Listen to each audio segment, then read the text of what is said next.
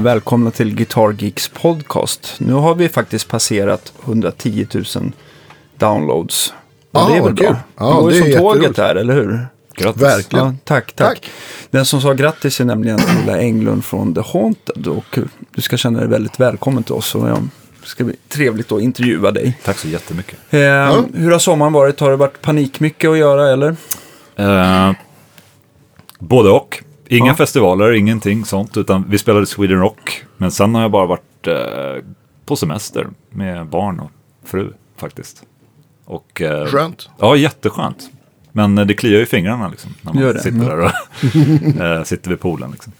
Hur kommer det sig att det inte blev så mycket festivaler den här sommaren då? Är det att det inte är någon ny skiva ute just nu eller? Nej, det är ju för att skivan kommer nu. Den I kommer augusti. nu. Så ja. att eh, det kommer en ny Haunted-skiva 25 augusti. ja, det är ju eh, perfekt att vi har den här podcasten precis nu då. Ja, Som- visst. Väldigt vältajmat. Så att eh, vi har, eh, ja, fram till i början på juni så jobbar vi med skivan då, så liksom var vi klara. Och sen ja, tog vi semester, kan man säga. Var har ni spelat in? Vi spelade in i eh, en studio som heter, åh, har jag glömt bort det, men Russ Russell i Storbritannien. Ja. Som har eh, spelat in eh, Napalm Death. Och lite sånt där. Så att han har väldigt kaotisk eh, produktion. Vilket vi tycker var ganska häftigt, kanske passar bandet. Så att eh, vi valde honom. Ja. Åkte dit och spelade in. Jag spelade visserligen in gitarrer hemma, men eh, skickade över reamps och D-signaler och sånt. Så fick han köra resten. Schysst. Är du inblandad på någon produktionsnivå också? På plattan eller? Ja, reampingen är ju gjord av mig. Ja.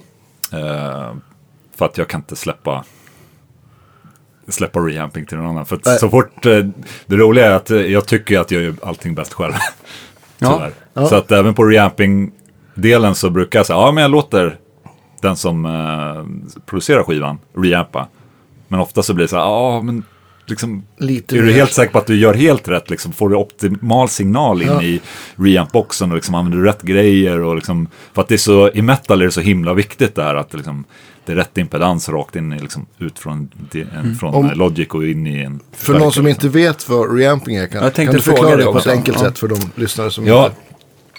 ska jag förklara hela min eh, processen då när jag spelar en gitarr idag? Är Ja, att jag, men det, det vill vi höra. Ja, jättebra. Eh, är ju att jag kopplar in min gitarr rakt in i ett ljudkort. Ja. Eh, jag har idag en UAD Apollo 8. Och jag bara kopplar rakt in i det. Utan eh, någon D-box eller någonting. Kopplar bara rakt in i den och spelar in med noll input gain. Så att den bara tar liksom Ja. Liksom, och det är liksom ingen färgning alls i princip, tycker jag. Det har ju såklart en viss färgning, men... Eh, sen spelar jag in DA-signal på allt. Rytmgitarrer, leadgitarrer, clean-gitarrer. Och sen efterhand, det är det som är så bra med det här om man bara spelar in direktsignalen av gitarren. Att då, kan man, då måste man inte bestämma sig för ljudet direkt. Nej. Utan eh, då kan man sen laborera med ljud för att passa en mix till exempel. Precis. Och eh, då är det det man gör med reamping. Då, då tar man den här direktsignalen från datorn då, som jag spelat in i Logic och kör ut den till en förstärkare och eh, som jag mickar upp. Och så det, blir det i princip som att jag skulle spela stärkan direkt. Och eh, ja, det är väldigt kul tycker jag. För då kan man koncentrera sig bara på ljudet liksom, vid det, den instansen. Då har man liksom spelat in redan och allt det kan man släppa. vad kör du som lyssning då du spelar in då? Eh, just nu så kör jag, eftersom jag kör UAD, så kör jag deras eh, eh, egna. Amplitube, nej det kanske Nej, de har väl e- de har egna pluggar från Engel och ja. de har Friedman och lite Fender. Marshall liksom. och- Precis, lite Marshall och sånt. Och eh, jag kör en Engel bara för att få lite dist liksom. Ja. Och det funkar bra. Och det är utan latency då. För då är det eh, deras ljudkort då som som handl- tar hand om den processeringen. Så att det är Precis. inte det här input latency som om du skulle köra en plugg liksom. Nej, precis. Och spela in, för det är helt omöjligt. Jag har ju också faktiskt exakt sånt ljudkort. Och det, det ska vi göra ett program om faktiskt tycker jag. Om att spela in gitarr med pluggar. Mm. Många gör det. Ja, men, väldigt- det men det funkar fantastiskt bra. Jag har aldrig spelat på någon, någon plugg som känns, liksom, Nej. känns som att spela på en, en stärk. Nej, det är till och med så bra så jag köpte den lilla så jag kunde resa med den. Ja, Och eh, spela in, när vi var nu och turnerade med Arch Enemy i våras, så satt jag faktiskt trackade backstage. Ja. Ja, med samma ljud då, eftersom det är samma inputs och allting. Så Ja, det, visst. var perfekt. Ja, det är det är så himla bra. Lite dyrt, men... Ja. Och det är svårt, för man... det slutar ju med att man köper alla de här pluggarna som de har. Och Exakt. Man gör ju bara av med mer pengar. Men är det det, är är det det de de svenska Softtube som ligger bakom de pluggarna också? Eller är det någon annan som har... Det är Brainworks som har gjort de Okej, pluggarna. okej. Ehm, De leder utvecklingen Softtube nu, har gjort eh, Marshall-pluggarna vet jag. Nu när du säger det så tror jag att, soft, att det finns ett Softtube, alltså Amperoom, eller vad heter det? Metal Ja, Room. ja, ja, precis. finns exakt. där i. Och det är Ja. ju Softtube som har gjort. Ja, just det. Ja. Så att de finns ju där i att köpa. Vet jag. Om man får, har du korat någon vinnare av alla de här pluggarna eller blir det ändå alltid bättre att liksom reampa och micka upp en riktig stärkare? Jag tycker personligen för metal att stärkare alltid är, är bäst. Ja, det verkar ju som att vi är rörande överens. ja, det tror jag. Men, men man kan ju komma väldigt nära. Ja. Om man inte har tid till exempel, eller om man inte har stärkare för den delen, så klarar man sig ganska bra tycker ja, jag med visst. pluggar. Jag tycker Amplitube och Mesa Boogies Amplitube Pack är väldigt bra. Just det. Ehm, sen finns det något från ett märke som heter Mercurial, som är lite små, från Ryssland tror jag, som Okej. faktiskt är svinbra pluggar. De har en Marshall-plugg som jag har demat som heter Spark, som är helt, helt fantastiskt bra. Ja. Eh, så Mercurial, de kan jag definitivt rekommendera och Ja, kul. Amplitube såklart. Jag inte till. Måste jag kolla. Här får du kolla. För fördelen med pluggar är ju att det är så himla smidigt. Man b- sparar ju massa tid. Absolut. Och så har du, en, har du någon, någon idé som kliar i fingrarna Ja. som bara ska spelas in fort Ja. som fan. Då är det ju... Ja, och det är det att då reampar man ju i realtid istället. Så då kan du fortfarande ändra inställningarna medan. Du behöver inte reampa liksom. Nej, precis. Men, men du pratade om impedans här. Det är, ju, det är ju viktigt om man då ska reampa att man skickar ut signalen. Och då kommer den ut som en line-signal från ljudkortet. Så då måste man ju omvandla den på något vis. Vad- Ja. Hur kör du då? Jag har en two notes reload. Ja, just det. ehm, som jag kör ut, det som är en reamp. Precis. Och attenuator-låda i princip. Som Ja. lite allt i allo. Och en DI-box faktiskt. Så att den kör jag bara rakt ut och så in i, in i stärkan. Och där har jag matchat. Jag har suttit och jämfört liksom. Okej, om jag skulle koppla in gitarren direkt i stärkan. Jämte med att jag skulle koppla in den direkt via den här och, in. Så Ja. att det blir perfekt och rätt signal in i stärkan. Så att eh, jag tycker fortfarande inte att man kanske är 100% där om man skulle koppla in rakt in i stärkan eller om man skulle koppla in genom en reamp-box. Men det är 99% Ja, och då är det ju värt det att reampa i efterhand ja med de jag. möjligheterna att kunna tweaka Ja. ljudet. Precis. Hör du, vi har ja. ju faktiskt varit jäkligt dåliga på en sak. Och det är att vi hade ju Pontus Norgren här från eh, Hammerfall Mm. som skickade ett ljudklipp, eller två ljudklipp till oss. Ja, men Där vi precis. skulle ha en tävling där vi faktiskt inte har utsett någon vinnare. Nej, men det får vi göra då, vi, då Pontus kommer tillbaks, tycker jag. Jaha, okej. Det, är en, det, är en, det är en riktig långbänk helt Ja, enkelt. exakt. Ja, Och jag, jag, jag, jag, ja. lyssnade faktiskt på den och eh, försökte lista ut vilken som var vilken. Och det är ju helt omöjligt. Särskilt för lead-ljud tycker jag är- det, det går inte liksom. Jag hade fel kan jag säga. Du hade fel. Ja, jag tänkte, jag lyssnade i, i datorn nu. Jag tittade inte utan jag bara, de kom ju som små svarta korvar bara i mejlet. Så jag tryckte play och så lyssnade så var det så. Ja. Det är ju svårt för att det är olika sorts musik. Eller liksom det, Mixen är olika. Och då är det helt omöjligt. Hade det varit samma klipp en med, en, och samma, alltså en gitarr med plugg och en med starkare, då hade det varit lättare tror jag. Men nu är det så här, det är helt omöjligt. Man hör ju inte. Nej. Nej, jag, jag hade som sagt fel. Så, att, Ja. så, man, Ja, så alla ni som känner att ni inte har någon skillnad så Nej. ni är inte dumma i huvudet. li, lead-ljud och clean-ljud, det kör nästan 100% bara pluggar. Ja. Faktiskt. Det reampar jag aldrig. Det är bara rytmljud jag, Ja. när jag kör. För att lead tycker jag, så här, det får man bra i pluggar tycker jag. ja, men det, det är lättare. Om man inte verkligen vill ha det här hur en starkare verkligen bryter upp. Då är, då är det lättare med en riktig starkare. Liksom. Kör du någonsin att du reampar och mickar också?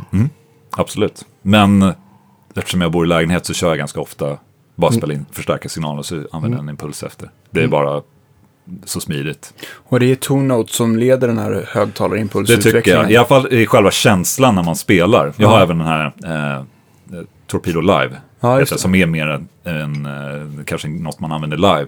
Mm. Att man kopplar in stärkan i. Och det, känslan i den är mer, det känns mer riktigt än att köra Axifex liksom och, och Kemper. Det är någonting liksom som i responsen. Här har du ju ändå stärkans respons. Och så är det en impuls på. Precis, på högtalaren bara. Precis, så att det tycker jag, Two Notes är, när de kom i början där, så var de verkligen, ja, front of the line. Liksom. Ja, jag kan ju tänka mig att du också har gått igenom allting eh, som någonsin har släppts tänkte jag säga. Har, dina erfarenheter av Kemper, har du också, Mm. har du, tycker du att det har gått att få till? För Ja, jag var ju jag var ju ganska tidigt, tidig med Kemper Ja. och började göra till och med profiler till dem. Så det, Ja. om du köper en Kemper så finns det ju mina profiler där i. Mm. Men ehm, ja, i början var jag riktigt, riktigt imponerad. Det var man ju. När man Ja. liksom körde en Rectifier. Bara, nej, jag kan inte höra skillnad alltså, mellan den riktiga och den här. Mm. Men så fort man börjar, ju fler stärkare man provar, Mm. så märker man var, de inte var den inte funkar någonstans. Och jag tycker den funkar väldigt bra på de här klassiska metal-stärkarna, liksom, eller eh, 5150 Rectifier och alla de där. Eh, Den profilerar de jättebra. Men så fort man kommer till de här moderna, där det liksom är jättemånga olika preamp-steg, eller gain stages som man säger, då, då blir det för svårt, tror jag. Och då får man inte riktigt samma. Det, ja, det blir väl mer, ju fler gain stages då blir det väl mer, alltså disten så att säga, blir Ja. mer komplex. Ja, Så det precis. borde ju bli svårare. Ja, men hur ska den kunna läsa liksom den här instansen? Om man, om man inte ändrar någonting i ljudet så tycker jag att då kommer den ganska nära. Men det är fortfarande det här med känslan lite liksom, när man spelar. Ja, och sen när man börjar snurra på kontrollerna, då, då, Precis. då förstör man ju ljudet. Precis, när, när den liksom, när den, så som den har liksom ehm, kopierat ljudet, men så fort man liksom vrider på filtrerna, framförallt Mm. presence och discount, så känns det som att det blir en helt annan typ av kornighet, eller vad den lägger till. Det blir en annan, Mm. Ja, men då, är det ju, annat- då färgar ju Kempen ljudet. Ja, precis. Precis. Så att det blir ju något Det helt blir då mer som det. att EQ ett färdigt ljud än Ja. att EQ på en stärk. Ja, Kan man ja men säga precis. Mm. Och vad, hur kan Kempen veta var EQ-kuran sitter på treble, mid och, och bas? Det är ju alltid samma liksom. Ja, Det tycker jag dock att, att Fractal-människorna har fått till bra. jo, men det har de ju för att de har ju modellerat just den stärkaren. Precis. Så de har ju liksom gjort eh, efter schema. Ja. Så att de påverkar där de ska. Och jag föredrar ju Fractal före Kemper. jag tycker. Kemper låter väldigt, väldigt bra. Men eh, ljud, jag tycker i och för sig att alla de här Helix och Headrush och alla de här låter väldigt bra. Och är väldigt bortskämda Ja, shit, med vad som finns idag. verkligen. Men Fractal är nog bäst enligt mig ljudmässigt tycker jag. Det, är, det är närmst. Ja. Och känsla också. Känsla tycker jag är otroligt viktigt när man sitter och spelar. Liksom, att, man, att det inte tar emot. För det kan det göra.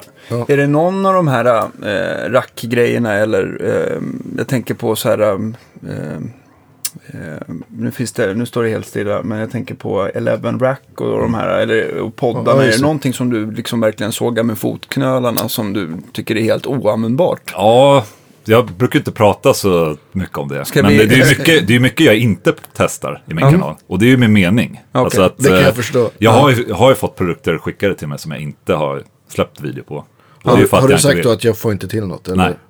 Det har hänt några gånger. Okej, men vi kanske stannar där då. Eh, vi jag, kan säga, jag kan säga en, jag, ja, alltså Elemerack har jag aldrig provat ens. Headrush är ju Elemerack i modern form. Deras nya, ja, precis. Mm. Så det är deras nya och den tycker jag faktiskt är bra. Och sen finns det en liten pedal som heter, vad heter den? Från, det är en liten röd pedal. Amplifier heter den. Från, eh, det var några som jobbade med Fractal förut. Exakt, de, de har Ehm, gjort pedaler i olika färger. Precis. Ja, Eh, och där är det väl, de, de är ju visserligen mycket billigare, de kostar kanske 5-6 tusen. Så att för pengen så är de bra, men det är ju inte samma nivå som Fractal. Nej. Jag tycker att de flesta är jäkligt bra. Men jag tycker att rent ljud, breakup-ljud och lead-ljud tycker alla är jättebra. Men eh, så fort man kommer till det här med rytm i metal, då tycker jag man hör direkt så här, det är inte riktigt... det sitter inte ihop. Nej, men det, det, är, hö, är det är det högra liksom. Det är Ja. högra registret som är... Dina öron är verkligen vässade för det där. För metal, ja. ja. jo, men jag tror för att jag vet vad jag vill ha liksom. Ja, Och- men det är väl nog samma sak så här, att man inte riktigt känner igen sig, tycker jag själv, på Kempen och de här, just när det kommer till de här små bluesiga crunch- crunch-ljuden. Så där, Det är något som, men ja, det är en annan sak att lyssna, få ljudet direkt i någon lyssning eller i lurar också. Sen är det ju bara jäkligt mycket roligare att koppla in en starkare och en högtalarlåda. Alltså, det, det går inte att efterlikna i monitor. Nej, det går man, man, man kan väl se det mer som, eh, som hjälp, eller ett hjälpmedel. Eller, eller, eller inte så, att det inte ska vara ett alternativ. För det är många som, det kommer jag ihåg, det, jag- liksom, det jag skaffade min första XFX Ult, Mm. Ultra tror jag. Så var folk så här, "Ja, men ska du sälja alla förstärkare nu? Mm. Så bara, Nej, fan jag älskar mina förstärkare och, och de gör en grej, men det här gör en annan grej och den här är asbra där jag reser och... Precis. Jag tror faktiskt att det är en generationsgrej. Att uh, gitarrister som kommer idag, de kan nog inget annat. De har nog Nej. aldrig testat en starkare, de kan bara XFX. Och, så att jag tror att det är en generationsgrej, att de som kanske började spela gitarr för fem år sedan, de kanske bara kör Fractal och sen är de nöjda med det. Ja. Aldrig Eller provat en starkare. och- ja. ja. precis. Så att eh, jag tror att det här med starkare, det kommer nog bara bli lite mer lyxvara kanske. Att Mm. liksom, för det kommer jag nog, eh, det är nog ganska säkert att kommer hända, att starkare kommer dö ut så småningom. Eh, och att det blir mer som en lyxvara liksom. Som folk har hemma, de som, Som har mest fin pengar. bil. Ja, men eh, varför ska man ha liksom fyra, fem toppar och fyra lådor när man kan ha en liten rack liksom, som spar plats? Om man inte tycker det är kul och har råd så är det ju oförsvarbart. Ja, precis. Och det är det jag menar, för vissas, de här grejerna är ju, stämmer ju in på fleras applikationer än vad en förstärkare gör. Om du säger så. En- någon kanske bara vill sitta i sin hemmastudio och spela, någon kanske vill ha något lätt med sig när de reser. Alltså det, det är så mycket lättare med en sån här liten grej som, fort, som låter bra. Jag tycker ju själv att starkare slår det, men det är ju väldigt nära och jag, jag flyger ju själv med en sån här Fractal Axe 8 för att det, är så, det är så himla lätt. Bara koppla in en effektsloop liksom. Ja. Det är så lätt. Jag tänkte också att, att, att folk, att det förstärkare kanske försvinner av den anledningen att folk börjar bli, bli så bekväma. Alltså just att man, man är less på att bära, man vill bara ha det så jäkla smidigt som möjligt. Det kostar att ta med sig saker. Ni vet ju själva hur ut och flyga sådär. Det är Ja, därför ni visst. tar med de där grejerna. För att det liksom, fan det drar iväg. Checka in en gitarr på SAS idag, det är Ja. 700 spänn liksom. Så att, Nej men det är ju en osäkerhet också att okej, man hyr en backline-stärkare någonstans. Ja. Man har ingen aning om, det kanske Nej. låter för jävligt liksom. Ja. Så att eh, det här är ju ett säkerhetsmoment. Okej, nu vet jag att nu har jag i alla fall ett bra ljud. I absolut Mm. värsta fall finns det ingen förstärkare i Kina liksom. Ja, men då går vi front of house direkt från bordet liksom. visst. och så är det, är det klart. Det är liksom att man safear upp. Och jag vet exakt mina ljud och liksom det är ingen... Det känns väldigt betryggande för mig i alla fall som är väldigt ljudnördig liksom. Att ha det här, då vet jag okej, men då vet jag vad jag har här. Även fast jag är i Kina liksom. Har, du, har ni alltid eh, liksom in er och gjort en ordentlig förproduktion så att du alltid får en perfekt mix? Nej, vi Nej. kör inte in er. Nej. Ehm, jag har gjort det någon gång. Och då gick det verkligen åt helvete. Ja. Och sen, men jag gillar också att ha monitorljud. Det, det ger liksom lite extra motivation. Om man säger så. Än in-ears. In-ears förstår jag, jag förstår ju vad som är bra med det. Ja. Men eh, jag tycker att, eh, ja så länge trummisen har det. Och kör efter kanske klick ibland eller sådär. Ja. Då, då tycker jag, då behöver inte resten av bandet ha. Nej. Faktiskt. Det är ju så ni har löst det? Ja, det är så vi har Ja. löst det. Ja. Våran trummis kör med, med in-ears. Okej. Hur- Mest för att han ska kunna höra sig själv faktiskt. Och liksom sin, vi kan koppla gitarrer direkt och lite sånt där. Så. Ja. Men har ni alltid, då kanske ni eh, också är beroende att ni har en monitortekniker bara och en front of house i sådana fall? Eller? Ja, eller vi har ju en front of house som vi reser med. Men sen Ja. har vi inte någon monitortekniker. Utan det är, ofta så sker ju monitor eh, situation sköts ju det från front of house också. Okej, att, så, eh, det är bara ett ordentligt soundcheck så brukar Ja, det lösa ja, sig liksom? Vi är inte så, vi är inte så kräsna och det är liksom inte så, ehm, vi är inte så anala heller. Nej. Vi, liksom, vi, vi har inte råd att vara anala i det här och liksom att ta med en extra monitortekniker. Okej, okej. Så stort band är det inte. Och vi måste ju skära kostnader där det finns. Ja, ja, visst.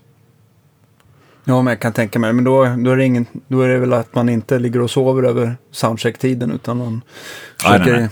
Nej, vi göra soundcheckar. det bästa för, av situationen. Liksom. Nej, det är inte som med Sugar som bara går upp och drar av en låt och sen är det klart. Ja. För de, det är ju, med- de kör ju min ear. Ja. Och um, vi har ju turnerat med dem och det är ju så här, det är som på, det går ju som på räls. De bara sätter upp, går upp, säger ingenting för de har ju alltid öronen. Ja. Spelar av låten, går av. Och sen har ju, vad heter det, killen som mix, mixar, han har ju redan spelat in hela den låten så han kan sitta och mixa i efterhand. Liksom. Precis. Köra, köra ett front of house-ljud. Ja. Så att eh, jag tror ändå att det är Men Då ligger det ju jättemycket arbete som innan. för, va? precis, i förhand ja. Man själv har spelat med in er, då kommer jag ihåg man liksom produktionsrepa liksom i, i flera, flera Mm. Ja. dagar och bara ställer Ja. lyssningen sådär. Vi hade, eh, när jag spelade med mitt band Feared ehm, i Tyskland så hade Ja. vi in-ears. Och det var första gången vi, vi provade det. Och det var med, då hade, var Jocke Skog också spela i bandet. Och eh, han slängde ihop, ja men fan vi kör med in-ears jättebra liksom. Och jag fixade det och vi hade rack och allt var perfekt. Vi repade, allting gick jättebra. Vi hade inräkning. Så vi inte liksom behövde, trummisen behövde inte räkna in.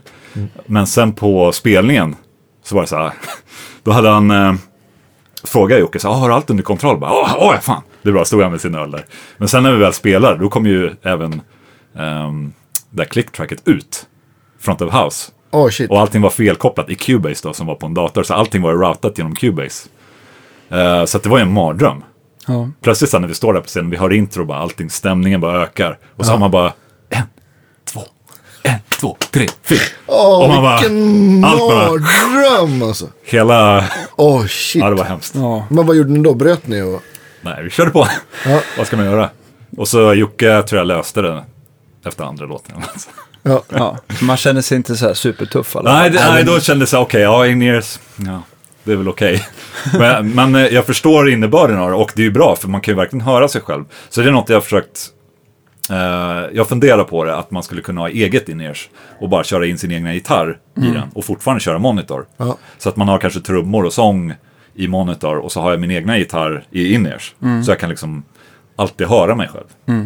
Det skulle vara väl användbart tror jag. För mig. Men jag, jag tänkte också, jag har för mig att du har, eh, att du har en egen modell, förstärkarmodell hos Randall annars. Det är ingenting som du tar med dig eller hur ofta får du användning av den? Ja, det är inte så ofta jag flyger omkring med, med Mm. den. Eh, Så att, eh, säga. Vikt ska jag vara helt ärlig så är det ganska sällan jag spelar med Ja. den live.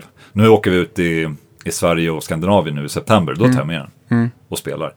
Men eh, nej, det är ju inte att jag är ute och, om det inte finns i backland, då tar jag inte det. Då Mm. spelar jag min Axe 8 liksom. Jag är inte så knusslig när det gäller det. Jag, jag har ganska öppet kontrakt också, så att det, jag får spela, eftersom jag har min YouTube-kanal, Mm. så sa jag det från början att ni måste hålla det öppet, för jag måste kunna spela vad fan jag vill. Liksom. Ja. Och även live och så. Liksom. Så att, eh, det, var, det är de helt okej med. Vad var upprinnelsen till, till den då? Till stärkan. Ja. Ehm, det finns ju en, en kanadensare som heter Mike Fortin. Som är en, eh, ja, bygger förstärkare och förstärkar ehm, Moddare? mods, precis moddare ska man kunna Ja. säga. Väldigt stort, han är väldigt stort fan av den här José Arredondo som är som gjorde gam- de här gamla Metallica-stärkarna. De moddarna. Och eh, jag testade en av hans förstärkare faktiskt i Meshuggah-studion. Jocke Skog hade den där. Så jag spelade den och bara tyckte fan i helvete vad bra det här var. Det var liksom, det var nytt. Det är som en, en eh, då var det en Fortin-stärkare som hette Natas. Och det är som en hot rollad Marshall liksom. Eh, bara ri- riktigt fläskig starkare.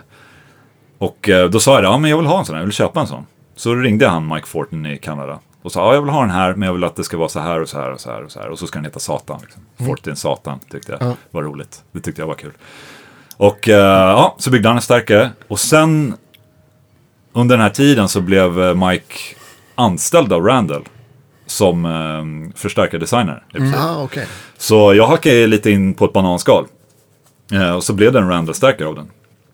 Och de släppte ju Scott Ian och Kirk Hammett. Ehm, Bra sällskap. ja, ganska bra sällskap. Så att, eh, ja, det var ju verkligen ett bananskals eh, ögonblick där.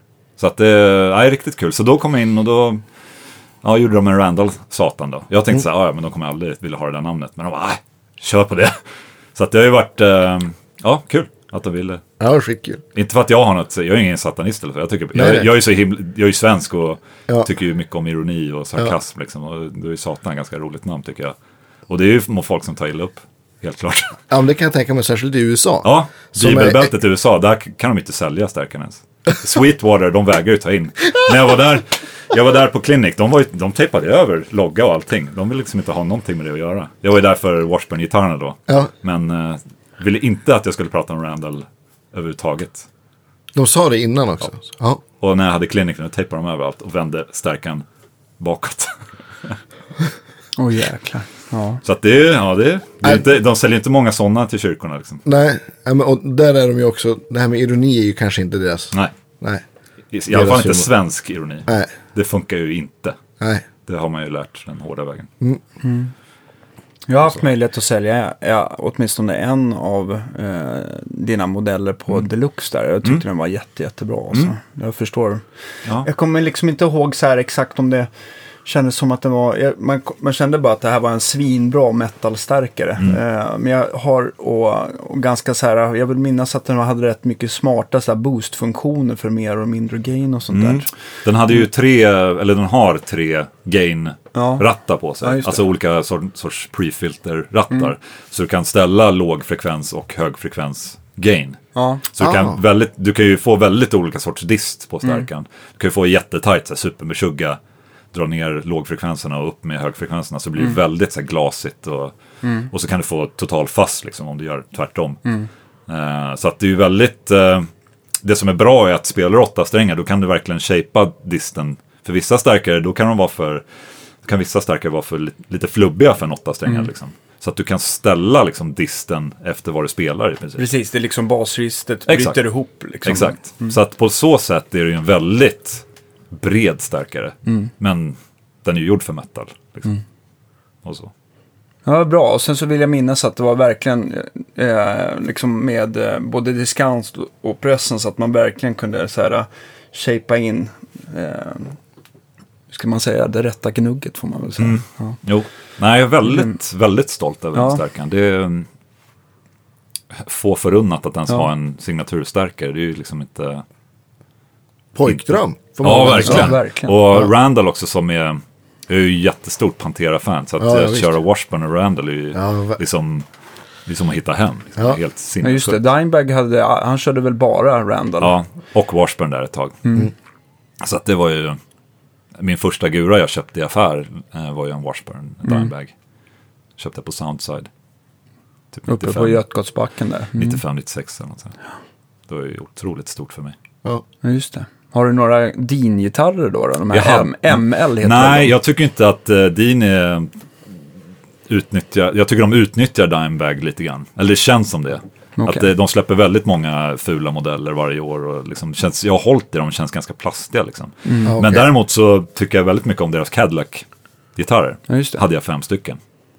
Eh, som jag tyckte väldigt mycket om. Hur ser Cadillac-formen ut? Det är som en eh, ja, Les Paul med en liten kuk på. Liksom. Ja, just det. Så att den är, det är liksom Ja, så här, Precis. framdelen är lite som en Explorer och... Ja, precis. Fast det, det är ju som en, eh, det är ju som en Les Paul fast en ex. Explorer-horn. vi- ja, horn, liksom. horn, ja. Och sen V-huvud. Ja.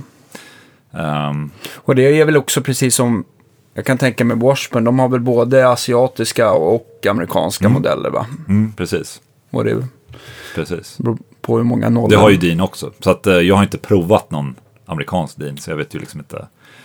Nej. Det är bara själva, allt de släpper med Dimebag efter hans död känns lite, lite vekt. Ja, alltså ja. det känns som att det bara är för pengarna. Och kanske inte riktigt för att hylla honom. Det är liksom, när de börjar göra rosa Dimebag-modeller, det är så här, "Ah, Skulle han ha haft en sån här? Skulle han verkligen ha spelat på den här? Liksom. Så att det, ja. Jag, sen har jag haft en, jag hade två stycken USA Washburn Dimebag för kanske 15-20 ja, 15-20 år sedan. Som jag älskade, fullkomligt älskade. Ja. Sålde.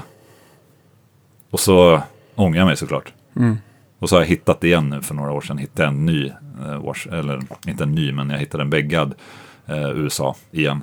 Som jag tog hand om och så skickade jag den till Washburn, fick de lacka om den. Okej. Eh, Ja, för du, du Har, jag du har du gjort någon video på det? va? ja, det har jag nog gjort det. Just det, för du har någon Washburn spons nu också va? Ja, eh, jag hade. Du hade? Jag har varit med Washburn i fyra år Ja. nu. Men eh, sen i eh, vintras, eller sen i juni egentligen, så är jag inte, jobbar jag inte med dem längre. Är, är det som eh, att man liksom skriver under på ett kontrakt att så och så många år och som, så att det förlängs eller hur Jag, det? jag skrev på för tre år Ja, och då, det var för ett år sedan. ja, Och sen har det bara fortlöpt till det att, eh, ja, egentligen säga upp. Jag ska ju aldrig på något nytt. Nej, okej. Och då sa jag istället upp det. Okej. Är det nå- Har du gått över till något annat idag eller? är det- Nej, jag har faktiskt startat mitt egna märke. Oj, ja. Spännande. Så det, mer. det är något jag... N- när kommer det här poddavsnittet Ja, sändas? det kommer precis innan, eh, ja, jag skulle tänka på nästa vecka. Ja, Okej. Ja, nej, men vi kan väl prata lite då, för det Ja. märket är inte riktigt lanserat än. Nej. Utan jag har bara annonserat att jag har lämnat Washburn och ska starta mitt egna märke. Mm. Så att ehm, jag... ja, jag är lite försiktig med vad jag ska säga, för jag vill, göra, jag vill verkligen göra det rätt okej. från början. För jag vet ju att min publik och den här online-publiken, de sågar ju en i fotknölarna liksom, om man gör någonting fel. Ja. Så att eh, jag vill bara göra helt rätt för mig innan vi släpper. Men det är något som jag har jobbat på ganska länge. Och det det bygger på är att det är mina modeller som jag tog med till Washburn. Fast under mitt egna märke. Okej. Så att eh, när jag gick med Washburn så, så hade jag modeller, jag hade ritningar liksom på vad jag ville ha. tog dem till, jag pratade med flera, jag pratade med ESP och Ibanez också, men Washburn var de som liksom, jag kunde ta fram en modell och säga så här, här kan ni göra det här? Och så kan vi göra det tillsammans. Och det var de som då nappade Washburn. Liksom. Ja, okej. Så att då tog jag med in de här modellerna till Washburn och så nu tar jag ut dem och gör det under mitt egna märke. Ja, just det. Då hade, du liksom, då hade ni ett kontrakt att de kunde göra dem då. Ett, Det blir ett att de kunde göra det på licens helt Ja, enkelt. precis. Att det är liksom, ja, det är Ola Englunds modeller, bla bla bla, de Mm. är under det här året. Så nu slutar de göra dem, nu tar jag dem och gör dem under mitt egna märke istället. Kommer, är det, kommer det finnas då ett, ett par gr olika grundmodeller då? Ja, det kommer finnas, jag kan inte säga hur många, men det, finns, Nej. det kommer finnas eh, ett par olika modeller. Olika. Några som inte har setts heller. Ja, kul. Så att, ehm, och det finns redan några som är ute och spelar dem. Ja, coolt. Så att det finns bilder på dem redan. Det är Ja. bara att folk inte Vet vad det pay är. attention. Då Liksom. måste det veta, finnas ett märke också. Ja, Ja. det heter Solar Guitars. Bra. Och eh, jag tog med en hals. Ja, Ja, Och bara farten. Mm. Så att eh, så där ser det ut. ja. snyggt. Varsågod. Assnyggt. Och det ser ju inte... Ser inte ni på podcasten, men... Nej, men det, ni, vi får hålla er uppdaterade via Facebook sådär, eller, och länka. Ser riktigt tjusigt ut. Man det har, ju är- sett, man har ju hållit i några gitarrer. Så att, Ja, verkligen. Okej, okay. vilken har, jag tänker så här när man, eh, bara i stort, när man liksom letar efter fabriker Mm. och tillverkare. Eh, jag antar att det också blir ungefär som du gjorde för Washburn, att det kanske inte är alla fabriker Mm. Nej. som både håller tillräckligt hög kvalitet Nej, det stämmer. eller kan göra det du vill. Va? Precis. Och det har jag faktiskt en väldigt bra erfarenhet med Washburn. Mm. För att när vi började med Washburn och de började sälja mina modeller så gick den fabriken vi hade i konkurs. Så att eh, det blev ett eh, stopp. Den bara försvann den fabriken. Okej. Eh, Var låg den någonstans? det var Indonesien. Okej. Mm. Och eh, det som Washburn gjorde då var att då tog de tre av mina modeller och i princip skickade den till åtta olika overseas-fabriker och lät dem bygga dem. Så åtta fabriker byggde samma gitarr. Jag gjorde en prototyp. Ja, tre liksom. stycken prototyper. Ja. Ehm, och skickade dem till Amsterdam och så flög de in mig. Ja. Och så bara, nu testar vi alla. Vilket är bäst? Så att vi har testat liksom alla de här stora. Kort och eh, World Music och alla de där. Mm. Så vi har provat alla. Och bara valt den som var bäst i princip. Ytterst så intressant. Jävligt, jävligt intressant. Och Ja, väldigt... Hur eh, stor skillnad var det? det var inte jättestor skillnad, måste jag säga. Med, mellan de tre bästa, om man säger Mm. så. Jag tycker någonstans att de här är, eh, liksom Indonesien-fabrikerna. Jag vet att eh, Ibanez kör väl någon line där som heter, den heter inte Prestige för Det det är Premium. Mm. Japan. Det är Premium som har eh, som har väl körts i Indonesien som jag tycker har varit imponerande Mm. bra faktiskt. Jag tycker att personer att de generellt Indonesien har hållit bättre kvalitet än än, eh, Mm. Korea. Mm. eh, ja, än Korea och framförallt Kina. Då. Okej. Det hänger inte riktigt med, över, alltså i stort. Liksom. Nej, Sen precis. finns det säkert även bra fabriker där. Det Absolut. det är väl Eh, också lite grann vad man betalar för. Och, Precis, men eh, nej, så att det var ju väldigt unikt att få göra något sånt. Det är nog inte många som får göra det heller, att prova olika fabriker. Så vi testade och valde en. Och eh, sen började vi köra med dem. Och Det har ju gått jättebra sen dess. Så vi fortsätter köra med, eh, med samma fabrik. Ja. Ja, just det. Och då kan jag tänka mig att det inte blir de här samma startkostnaderna och ta fram modeller och Nej, sånt där. Det väl liksom exakt. bara trycka på Exakt. För Så de att, har gjort... knappen. Liksom. ja, vi har ju redan gjort allt liksom. förarbete i princip. Ja, Ehm, smidigt. Det här är ju här, nu, det syns ju inte, men vi tittade alltså på en, en eh, sex. Det var för en sexsträngad. Mm. Jag misstänker att det kommer finnas för fler strängar också då. ja, det finns, eh, just nu när vi lanserar kommer det finnas två sjusträngade. Okej. Och, ehm, men resten är sexsträngade. Ja. Så får vi se om man gör en åtta eller sådär. Det, det är inte riktigt min grej. Men meningen med det här märket är ju att det är inte jag längre som signaturartist. Utan nu tar jag ett steg tillbaka och gör ett märke för alla. I princip. Så den här Solar-loggan som folk känner igen är märkets logga. Just det. Gör du det här helt själv eller gör du det Jag har en partner Ja. som jag eh, frågade om hjälp. Som har eh, väldigt bra koll i branschen. Eh, så att, eh, ja, det är inte... Det är något jag jobbar på väldigt mycket i bakgrunden. För jag vill Ja. få det väldigt... Det ska göras rätt. Och det ska vara väldigt seriöst. Så att det inte känns som att det är liksom en... eh, Ja, nu kommer Ola här ska släppa en... en ja, den här bondegitarr liksom. För, och tror att han är något. Utan det, det ska göras rätt. Ehm, Gud vad kul. Ja, askul. ser, ser ja, det, det är lite så här, lite, följer lite vad jag håller på med. För att det, det man kanske inte riktigt gillar, något som jag upptäckte ganska tidigt det här med när man får spons och man arbetar med bolag, är ju att det är en ex- extrem byråkrati i de här eh, bolagen. Ja, och ju större bolag ju mer byråkrati Ja, och såklart. eh, ett annat problem också är ju att eh, det är svårt för... Eh, ja, det var stämd, vilken tur. Har jag ingen. Har du Den där har jag, inte, på? har jag inte spelat på, så den här kan ju inte, kanske Jag inte kan ens bara inställd. säga, utan att avslöja allt för mycket om hur den ser ut, så ser det väldigt lovande ut faktiskt.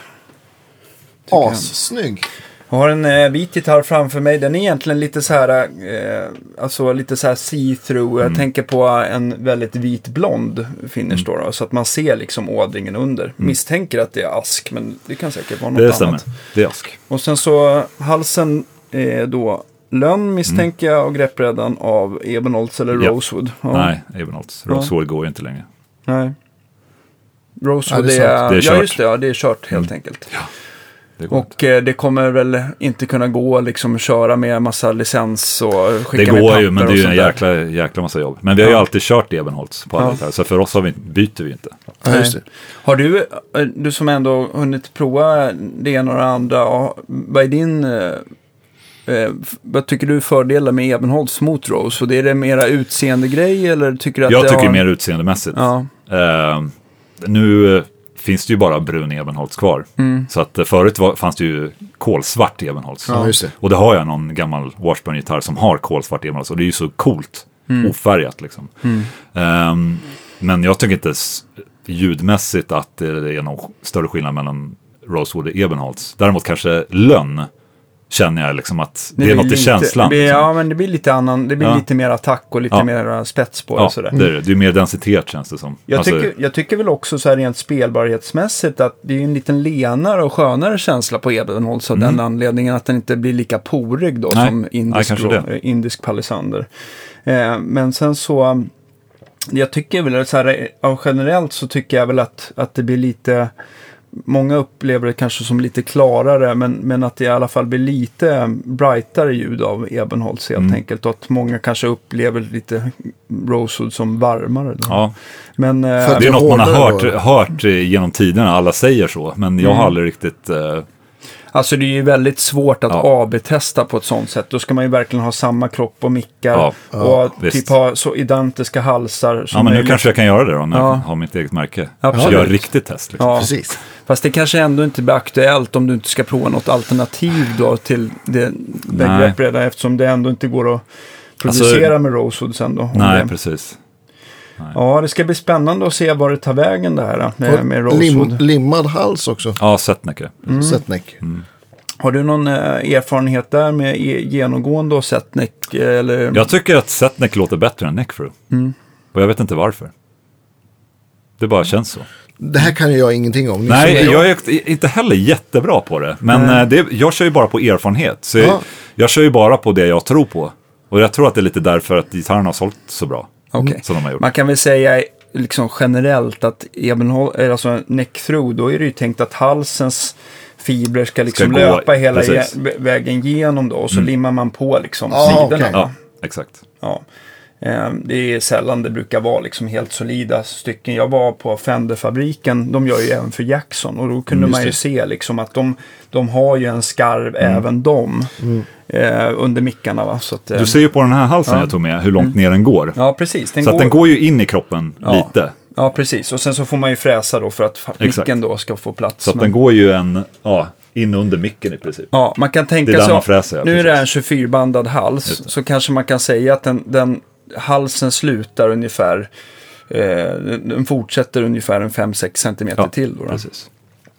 Och eh, eh, sen vet jag inte också, det kan ju också vara lite så här kostnadsfråga. Jag kan tänka mig att det är mm, fler moment med neck through som gör att det kanske gör att gitarren blir någon 500 tusen lapp dyrare i slutändan. Inte vad jag har märkt av. Ja, Okej, nej. Det är inte så att jag har valt Setneck för att det ska bli billigare. Om, jag, Utan- om jag tänker så. Ja, jag förstår. Ja. Men, äh, Det Så kan det nog liksom. vara lite med skruvad hals, för det är ju, vad jag förstår, som klart färre Ja. moment och sådär. Det är inte Precis. lika känsligt då. då. Men eh, ja, det kanske man ska ta hit någon gitarrbyggare som får prata mer Ja, om men det. jag kan ju ingenting om sånt. Därför jag, var, jag har lärt mig om setneck idag. Det Ja, men för. setneck är ju typiskt så som Gibson alltid har kört Mm. på Les Pauler och Eske och sånt där. Eh, och då, då, då, då fräser man ur för halsen och, och limmar fast ändå, inga skruvar eller Sen finns det ju något som heter set through neck. Där, går, där halsen går ännu längre ner i Jaha. kroppen. Okej. Då, och det gör Jackson, bland annat. Mm. Har jag sett. Ja, precis. Ja. Ehm, och jag märker ju ingen skillnad, Nej. om jag ska vara ärlig. Jag tycker det är rätt snyggt så här, om man, om man framförallt har en transparent färg Mm. Eh, som den här gitarren, att det är liksom samma ådring och sånt där. Ja. Annars så bryts den ju verkligen Ja, av av då, en måste, helt då, annan då får typ man ju göra trä. en grej av det, eller ha en topp liksom. Ja, precis. Ja. Så att, eh, Vad är det för, för mikrofoner? Eh, Det är mickar som heter Duncan Solar. Som är något Ja. jag har jobbat tillsammans med Simon Duncan då. Mm. Så att det är ju inte signaturmickar utan det är mickar för gitarrerna. Mm. Just som vi har designat.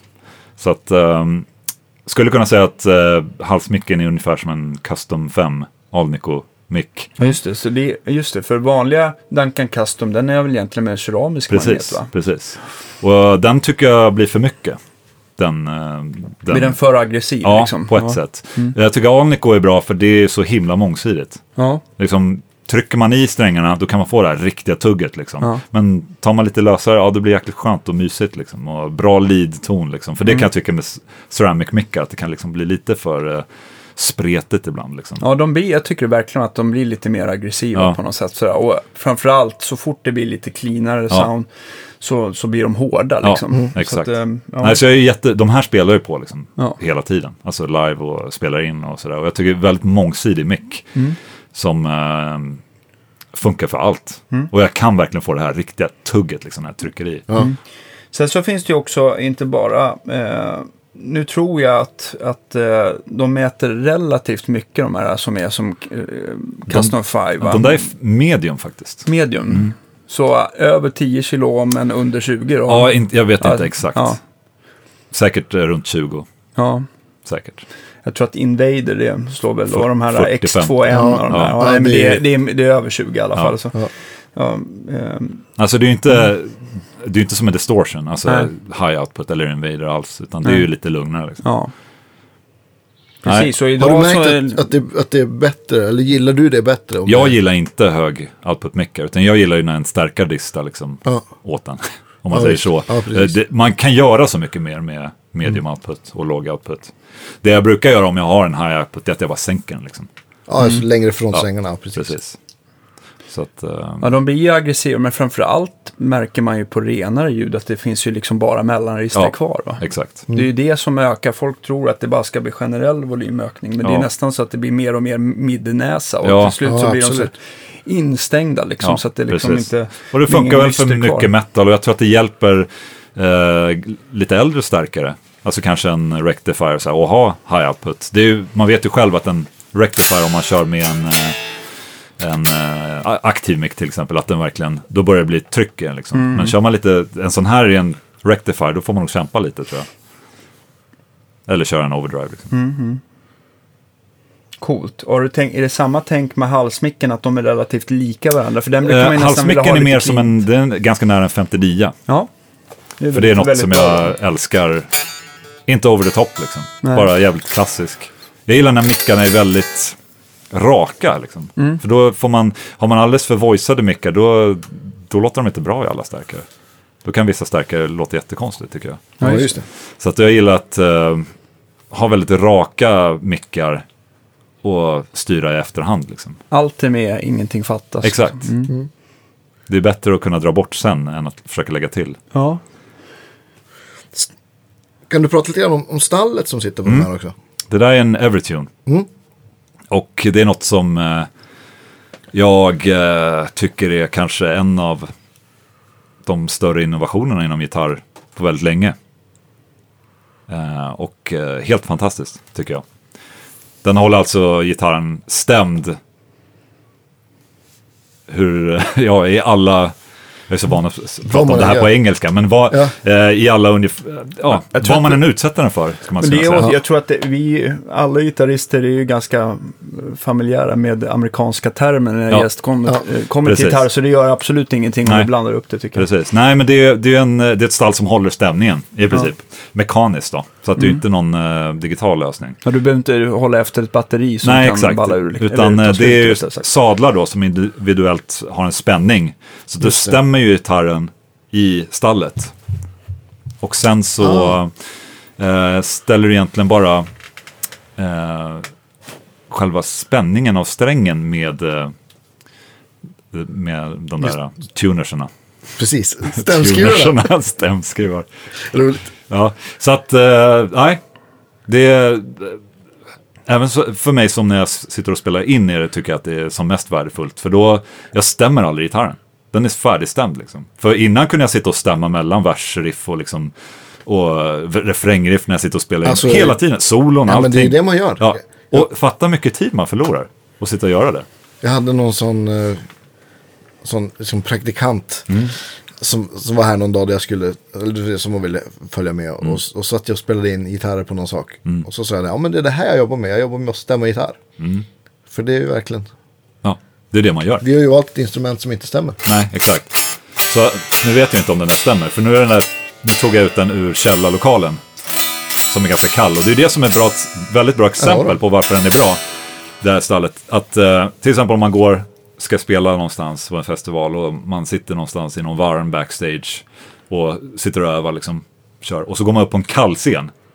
Då blir alla gitarrer och basar flat. Eller, Ja, visst. alltså, det är ju så det som händer. Men den här behöver inte ens... Den liksom, om det sker några förändringar i träet som gör att den expanderar, eller, då, Ja. då kompenserar de här sadlarna det. Så att det är, den är alltid stämd. Men om man tänker alltså, Ja. om att höjningar och sånt, hur ställer man in att den liksom inte... Att den ska bända. Ja, precis. Ja, det, det man gör är att man, det finns ju ett läge där ingenting händer när du, stäm, när du eh, justerar stämskruvarna. Ehm, ja det ja, händer det märker jag, precis, det händer ingenting. Skitläskigt. Så det man gör är att man, man stämmer upp dem tills den blir, man hör att det händer något. Att den blir sharp, liksom, Ja, noten. Och då ställer man tillbaka. Då hittar man det här läget där man kan bända. Liksom. Ja, det. För det är det som många är rädda för, att man inte kan bända med ett Evertune. Men Ja. det kan man bara om man ställer in den rätt. Liksom. Hade du det på dina Washburn-gitarrer också? Ja, det hade jag. Ja. jag eh, sen de började med de här så har jag verkligen varit så här väldigt tuff. Alltså, Och- och- väldigt supportive. Vem, vem är det som uppfunnit de här då? Det är en eh, kille i New York som har uppfunnit. Okej. Som heter Cosmos. Och eh, han och Tommy Denander var på besök hemma hos mig. Ja. Och ville visa det här ja, 2012. Fattade ingenting. Och så, ja ja. Så bara, ja men låna den här gitarren. Så lånade jag Tommys gitarr. Och så bara satt jag där någon dag och bara, fan. Det stämmer. Fan vad bra det var. Och han har ju True Temperament på sin också. Ja, så det var så här, ja det var ju ännu bättre liksom. Så att, eh, nej då blev jag helt frälst. Och sen dess har jag det på alla mina ja, studiogitarrer och Mm. livegitarrer. Och sen, eh, ja, på den vägen är det.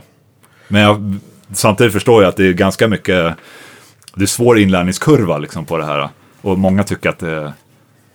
Jag tror att det här med Evertune, det, är, det för, funkar för vissa. Och vissa kanske inte funkar alls för. Nej. Så att det är, eh, ja det är svårt. Jag tror väldigt mycket på det. Ja, Nu vet jag inte, nu tog jag ju den här i låna så jag vet inte ens om den är inställd för att bända eller inte. ja det. Ja, då. Ja, jag tycker... Eh, jag får ändå inte känslan av att du har valt den absolut flackaste radien heller. Jag kan tycka nästan Ja. att det blir lite, nu man är lite så här vintageifierad, men, Ja. men att ibland när man känner på lite hårdrocksgitarrer Ja, att det att är de så är väldigt himligt platta. platt. Ja. Hem, himla platta va? Nu är jag inte exakt på hur mycket den är i radius, för det är det där med detaljer. som- Nej, det är ju inte vintage Fender heller, Nej, men det ser nej. inte ut som att det är mycket, Nej. att det är mycket rundare än vad en, alltså 12 radio eller någonting sånt. Ja. Men jag tycker det brukar bli rätt bekvämt. Vad, vad, Snygg vad är tänkt för lanseringsdatum? Finns det något? Eh, vi håller på att göra en hemsida nu. Ja, Och så eh, tror jag på september. ja, Så att eh, det görs ju gitarrer just nu. ja. Men eh, vi vill ju inte sälja något förrän vi i, har varit där. Jag Mm. vill ju åka dit och, och QC alla gitarrer.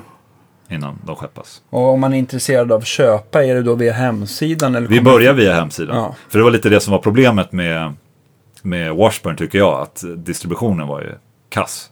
Mm. Det var ju svårt. Min publik är ju väldigt online. Ja. Så att eh, det var egentligen fel väg att gå egentligen. Mm. Jag tror att de som ville, verkligen ville ha en gitarr, de hade svårt att få tag på en gitarr med Mm. Washburn. De fanns ju där ute i affärer, men, men inte över hela världen. Nej. Så att eh, idén lite här är att vi kommer köra, vi börjar med att köra direkt på Mm. hemsida. Eh, så den som verkligen vill ha en gitarr ska fan kunna köpa en. Liksom. Mm. Och sen så kommer vi såklart jobba med distributörer och dealers Ja, precis. efterhand. Men Jag, vi tänker också, den jag tänker också sådär, det skulle vara jätteroligt eftersom Guitar Geeks även är en butik som Ja. jag har. Att man kunde ha någon, eh, om man vill ha något litet showroom för och man vill prova gitarrerna. Absolut. Och skicka dit Det går ju att ordna. Det är Det- lätt här i Stockholm också. Det här är- Precis, vi, ja det blir ju smidigt. Vi kan vi ju ta lite längre fram när Absolut. du tycker att det är dags. Men det är Absolut. Roligt att sälja bra grejer helt enkelt. Ja. Det är hela tanken i alla fall. Ja. Ja. Vi, vi, du nämnde liksom din publik online, det måste vi prata om. För, för, eh, du har en YouTube-kanal som förmodligen de flesta som lyssnar på det här. Och de som inte har, har koll på det får genast gå in och kolla in. ja, tack. Tycker jag. Jättebra, som jag har kollat på sjukt mycket av dina videos Ja, under kul. väldigt många år. Hur började det? Var det bara för att du... Eh, för att det var hobby. Ja, i princip. Jag tyckte det var kul och... Eller nej, jag ska inte säga så. Jag, jag såg, eh, när YouTube började bli stort så började folk lägga upp klipp liksom, på, Ja. på prylar. Så att jag såg ju liksom att, åh shit, fan. Jag är intresserad av en Mesa Mark 5, söker på det liksom. Och så hittar man ju filmer av någon som, ja, en väldigt unbiased review som man säger. Alltså Ja. att det, det är någon som dig själv som sitter hemma och bara plinkar liksom. ja. Och så såg jag det, vad fan det här är något liksom. Varför, varför ser vi inte mer av det här? Och då började jag liksom hemma micka upp mina stärkare och liksom börja producera och spela låtar och sånt liksom, på kamera. Så att det blev ganska, det var kanske 2009 eller något sånt där. Och det blev väldigt snabbt populärt. Just det här sitta och spela låtar och liksom verkligen producera, micka en stärkare. För alla andra satt ju bara liksom kameraljud. Ja, men precis, spelade, man hör liksom. Det liksom lät skit verkligen. Ja, men precis. Så att eh, jag tog ju liksom bara och uppade liksom produktionen. Det här är dåligt. Det här, så här skulle jag vilja ha det, typ. Var det lite så? Ja, men lite så här, ja men fan, okej, jag sökte på en dual rectifier, så bara, ah, fan, jag vet ju att den låter inte så här. Det här Nej. låter skit som han spelar in liksom. Och hur många gånger har man inte blivit besviken Ja. när man liksom har Exakt. blivit intresserad av någon pedal Ja. till exempel. Så bara, den här måste jag ha. Och så får man den i sin hand så låter det helt annorlunda. Ja, Ja. det har ju hänt. Precis. Förmodligen oss alla. Ja, Så att det, det var lite där. Precis. Mm, nej, men precis. det, ja, jo, jag känner igen. Men, eh, nej, så det, då började jag spela in mina egna stärkare. Och sen var jag del av ett svenskt forum, ett gitarrforum som hette Diskant Ja, just det. Forum och GMF. Som höll på samtidigt där. Och då blev det som en grej på det här forumet att folk började låna ut stärkare till mig. Så att eh, då får, ja, bara, ja, vi vill se hur Ola liksom spelar in min stärkare. Ja, Eller min stärkare, min och liksom. Ja, kul. Så att då började jag åka runt i Stockholm, bara hämta stärkare. Och körde hem, spelade in, körde tillbaka. Ja, Och så, så fick jag upp liksom 60 stärkare liksom. ja. Så att många som frågar hur, jag, ah, hur fan har jag råd med alla de här stärkarna? Liksom, nej, jag lånar ju liksom. Jaha. Så att, eh, ja, på den vägen blev det. Och så, ja, fortsatte jag, började göra lite så här tutorials om hur man spelar in sig själv hemma. Lite så här hemmamusiker, eh, ja, how to-videos liksom. Jag kan tänka, du som är så himla eh, härligt Peter med gitarrer och förstärkare, hur är det med högtalarlådor? Är det, Mm. För att jag tycker själv att högtalarlådor är lite så här A och O när man liksom ska få fram ett bra Mm. Ja. sound sådär. Har du några favoritlådor eller element? Eller så? Mer nog favoritelement än lådor. För Yes. lådor är så här, det testar man ju liksom, om man bara säger ja, det är en låda. Man hör, inte, man hör inte om den är bra eller inte förrän man mickar upp den, tycker Nej. jag. Okej. Mm. Man, fine, man hör i ett rum om det är bra eller inte, men det, är liksom, det sista 5% tycker man inte hör förrän man mickar upp lådan. Liksom. Men eh, jag har ju alltid använt V30, så här klassiker liksom, som jag också tycker är ganska rak. Och det gillar jag, liksom, att det är rakt. T75 också, Precis, den har ju lite mer presence och lite mindre mellanregister. bra alternativ tycker jag så här, till V30. den- Yngves favorit har jag för mig. Ja. Det är väl den som sitter de flesta Marshall. Ja, alltså sen ja, det är- de 1960. De 9060. Precis. Ja. Precis. Så att de, eh, vilket jag tycker är en jävligt bra låda, 90 1960. I alla fall de här gamla riktigt inkörda, de låter ju för Ja, precis. bra. För de kan ju, De de kan ju ju vara lite spret. bra. De Ja, kan ju vara lite spretiga när de är helt nya, sen så Precis. lägger sig det där lite Så att grann. det, de tycker jag ju väldigt mycket om. Jag har inte ägt den själv, men jag har ju lånat flera gånger. Liksom. Mm, sån 9060 med T75. Och det låter liksom, ja, låter svinbra. Haft som backline förmodligen x antal gånger också. Ja, precis. Ja, men det är så, jaha, där är den. Ja, vad bra. Men det, men det känns också som Vintage 30, det är så himla... Det är så himla vanligt Ja. element också så att det Ja. är många förstärkartillverkare som liksom, liksom lite tvingade att liksom få stärkarna att passa med Ja. dem också. Jo, Så att det inte så att så det är det. liksom går att sälja i det, butiken. det är näst, i alla fall inom metal så är ju nästan V30 en, ett, nästan ett standardelement. Liksom. ja. Ja. Den Eh. orkar med de flesta topparna. Ja, precis. Alltså, för att den spesar väl en 60-70 watt ja, tror jag. det är 60, precis. Och sen så uh, har den ju bra, den har ju väldigt bra känslighet. Den har väl en 100 decibel, en precis. vattenmeter. Så att den liksom, den, det blir ju starkt. Det är en lätt, eh, en lätt högtalare att micka upp, tycker Ja. jag. Väldigt lätt. Och om vi då går över till uppmickning. Mm. Vad, är det klassiska 57an som åker fram? Mm. Eller har du hittat andra knep? Eh, ofta när jag spelar in studio då är det 57, eller 58. Jag, Mm. Ja. Bara för att en 57 kan, ja min 58 låter bättre än min 57. Mm. Det kan ju vara så himla olika, alltså 57 kan ju låta hur som helst ibland. Så det gäller ju bara att hitta den som man tycker låter bäst. Ja. Och sen kör jag, Som är tappad i golvet tillräckligt ja, många den måste, gånger. Ja, ja, men den måste vara slängd i väggen några Ja, gånger liksom, ja. Mm. för att den ska låta riktigt bra. Så att, eh, nej den tar jag och så precis rakt utanför centerkonen. Konen, ja. liksom. Cap Edge Domen. kan man Precis, säga. ja, precis. Det är väl det det är. Det, det ser man på impulsen. Eller- liksom. eller- det Ja, heter det. cap edge. Ja. Ja, just det. Eller Då vet man att det är rätt. egentligen på svenska borde det bli så här typ... Eh, för konen är ju hela liksom. ja, precis. Det är hela. Men är det, kan det vara... mm, Jag tänkte på damm...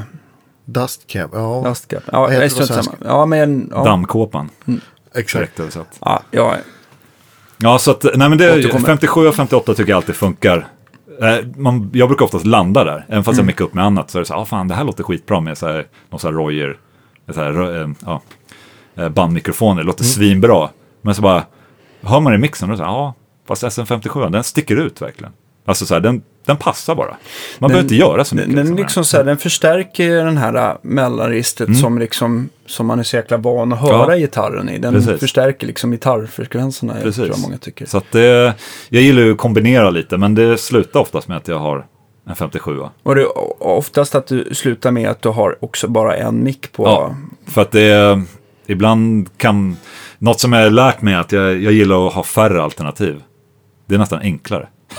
På ett Det går sätt. fortare i alla fall. Ja, för att mycket av det jag gör, det är ju att få saker gjort liksom. Mm. Och inte att sitta och vela. Så att eh, ofta så kanske jag kör med två liksom mickar. Mm. Och sen bara, ah, 57 ah, men då slänger jag bara. Mm. Och använder en annan som kanske rumsmick, liksom bara liksom lyfta lite. Det tycker jag kan lyfta en 57 ganska mycket. Ja, få lite reflexer Ja, från men precis. Bara lite något fult liksom, som inte gör att det blir helt in your face. Mm. Så att, eh, och jag har även provat de här äh, Erlund-mickarna. Ja, just det. Och de är ju roliga. De Liksom. små. Precis. Ja, de är mycket fullfrekventare. Ja, Precis, de sträcker så mycket. Men det är, Erlund är väl känd för sina så här triangelmembran. Ja, va? exakt. ja, de är lite roliga. Det är verkligen så här lite som man har haft lock för öronen. Så bara, Ja, och, och så öppnas det upp. Liksom.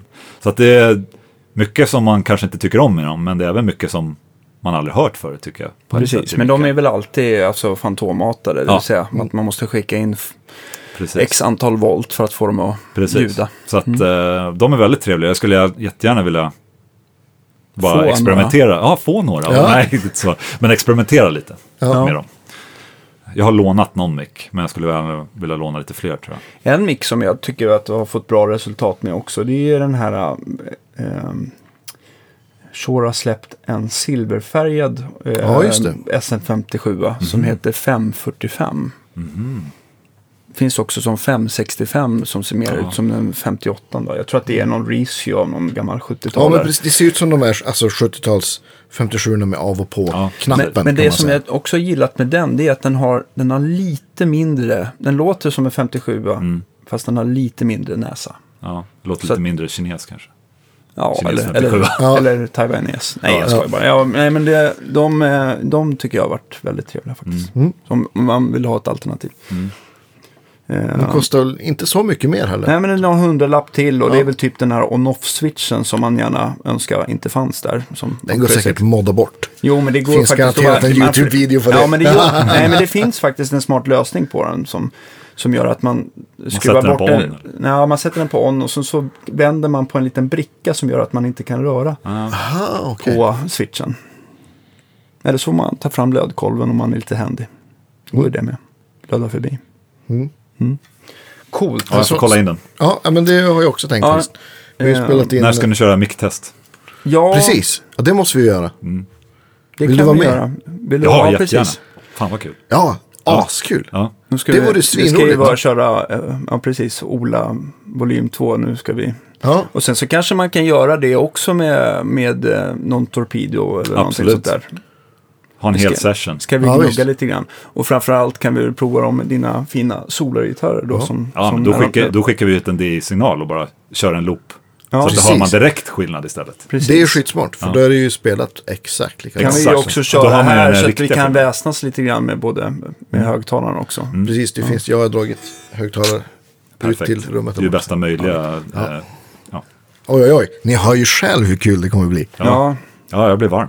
Ja, Och då skulle man också kunna, eh, man skulle inte bara börja köra olika eh, mickar, man kan ju prova liksom, man kan ju testa fan vad, vad fan som helst, olika högtalare, element. Alltså bara distans till Ja, elementen. Strängar tycker jag kan göra rätt stor skillnad Det är ibland. ju ett kul test. Ja, då har vi gjort ett test med, med fina Magnus från eh, Olsson från Ja. Krafton där, när vi provade lite Deodario-strängar. han hade en gitarr med sex stycken D-strängar. Så kunde vi liksom så- köra allting från... Ja, okej, nu fattar jag. Ja, från, Ja, från eh, det låter väldigt extremt ex- opraktiskt. Ja, Ja, jätteofraktiskt. okej, coolt. Ja, så kunde vi liksom... Man, Men micken då? eh, Var det liksom samma på varje bobbin då, eller? Ja, det var det ju en vanlig gitarr. Liksom. Ja, ja, men Ja. den var precis som den här. Att det var liksom, Ja. de hade, Han hade ställt eh, Okej. samma avstånd och sådär. Okej. Så att det, det var nog ganska rättvist tror jag. Okej. Men man hörde ganska klart och tydligt att en ren nickelsträng var lite faddare än Ja. framförallt åt andra hållet då som var stainless steel. Ja, visst. Just det. Vad kör du för strängar? Jag kör, eh, jag har inte riktigt bestämt mig. Nej. Men eh, jag har ju kört på GOS väldigt Ja. länge. Och det är bara så här, ja, sträng liksom. Ja. Sträng som funkar, släng på, fine. Nu har jag provat lite eh, NYXL-strängar också. Eh, men jag, ah, jag vet inte. Jag tycker inte att det, de är så bra. Eh, Eller inte så här jättemycket bättre, Nej. som jag kanske hade förhopp, förhoppning om. Men eh, ja, det funkar liksom. Jag känner så här för NYXL, eh, en- NYXL, eftersom jag har ganska mycket handsvett när jag spelar live i alla fall, att det liksom så här... Eh, jag tycker att de är helt slut efter ett, ett, eh, ett gig, vanliga, vanliga nickelsträngar och sådär. Jag tycker att det blir lite för, jag tycker det blir lite för dyr hobby sådär. Ja. Så att antingen så har jag kört så här, eh, jag ska faktiskt vilja prova de här nya Elixir eh, som heter Optima eller någonting Ja, det är sånt någon där. som ska- tunnare ja, coat, coating. ännu tunnare coat. Annars har jag kört ganska mycket live på Elixir, även om jag gillar Deodario annars då. då. För att Men, slippa byta. Ja, precis. För att jag liksom, det blir mycket Ja, jag tycker- jag, annars. jag Och bara tycker byta NXL tunna håller, håller liksom... Då kan jag köra två gig på ett set strängar. Det kan jag, har jag inte kunnat innan. Nej. Men de verkar vara mekaniskt eh, stryktåliga. Ja, va? men det är de. Och, så sen, och, och sen håller de stämningen också. För det, kan ju, det tycker jag var, kan vara problemet med till exempel Elixir. Jag spelar ganska hårt. Ja. Så att det blir ändå... Jag spelar ändå av en sträng lika fort. Mm. Även om den låter bra. Mm. Så att, Nej, jag tycker de faktiskt förändrar ljudet lite för mycket. Eh, Än i XL-strängarna. Ja. Jag tycker de blir lite för, eh, nästan lite brighta. Eller för, för hög eh, output liksom. ja, ja, de är ju starkare. Det är Ja. de definitivt. Ja, ja. Jag tycker nästan jämfört med vanliga Excel att jag upplever det som att de inte riktigt är lika brighta. Jag, jag, de jag, vanliga Dadario, ja, men de, de är, är lite brightare tycker jag också. Eller är, upplever jag i alla fall. Men att NXL är, är starkare, det, tyck, det tycker jag definitivt. Mm. Det var en kompis som sa till mig, jag, jag frågade sig, ja, men varför ska jag testa de här? Han bara, ja, men de är lite starkare, det låter lite grann som att ha en kompressor på bara. Mm, Det tycker jag var en, en rolig Färdigmastat. liknelse. Ja, precis. Ja, våra, våra tester kommer ju komma i många upplagor. Så att Ja, vi, ska, ja. vi ska vända ut och in på det där också. Men du har, har, den här är ju stäm, standardstämning. ja, det kanske den är. Just det. Ja, det kändes så i alla fall. Kändes som vanliga ett 010-set. Ja. Kör du någon, någon eh, du kör sjusträngad också såklart. Mm, inte Eller? så ofta. Inte faktiskt. så ofta, nej. Utan jag kör ju mest sexsträngar. Ja. Och då kör vi standard D. Just det, Så ett eh, D till D. fullsteg ner då. Ja. Och ibland kanske droppa. Till till sist. C. Ja. Så att, ehm, ja, sjusträngar. Jag spelar ganska mycket sjusträngar förut, men jag tycker det är roligare med sexsträngar. Ja. Det, jag, jag blir bättre liksom Mm. på sexsträngar. Så att, eh, Det blir ju... Man slipper Jag har inte jättestora händer så jag tycker, och jag, jag spelar ju inte metal överhuvudtaget heller. Så att, men jag tycker att justeringen det blir ju ganska mycket mer hals. ja, det blir det. Mm. Helt klart. Och hålla, hålla ordning på. Ja, men det var coolt. Jag liksom, när jag kom ihåg när jag hade min Universe, liksom, då var det ju imponerande. Liksom, Ja. Eh, och man bara så här, fan vad, fan vad coolt med sjusträngat. Liksom, och nedstämt, men man kan ju stämma ner sexsträngar om man vill. Liksom. Ja, ja, visst. Konstigare än så. Ja, men det är väl... Det har väl folk gjort. Ja, precis. Man tänker... Precis. Ja, men man tänkte inte så långt då. Då, då var det bara så här, "Jaha, nu har jag min sexsträngare. Liksom. Ja, Ja. vad- Stämma om liksom. Ja, jobbigt. Ja. Sjusträngar är bra. Nej, men eh, nu skriver jag bara låtar på sexsträngar för det, ja, det är bara lättare, känns det som. Ja. Ja, Varför inte? Jag tänkte på, ni släpper en ny platta nu också Mm. med Haunted. Vad eh, kan du berätta om den? Kan du berätta, eller vi har ju pratat lite om hur ni spelar in och Mm. te- tekniker och sådär. Men kommer den skilja sig mycket från era tidigare eller?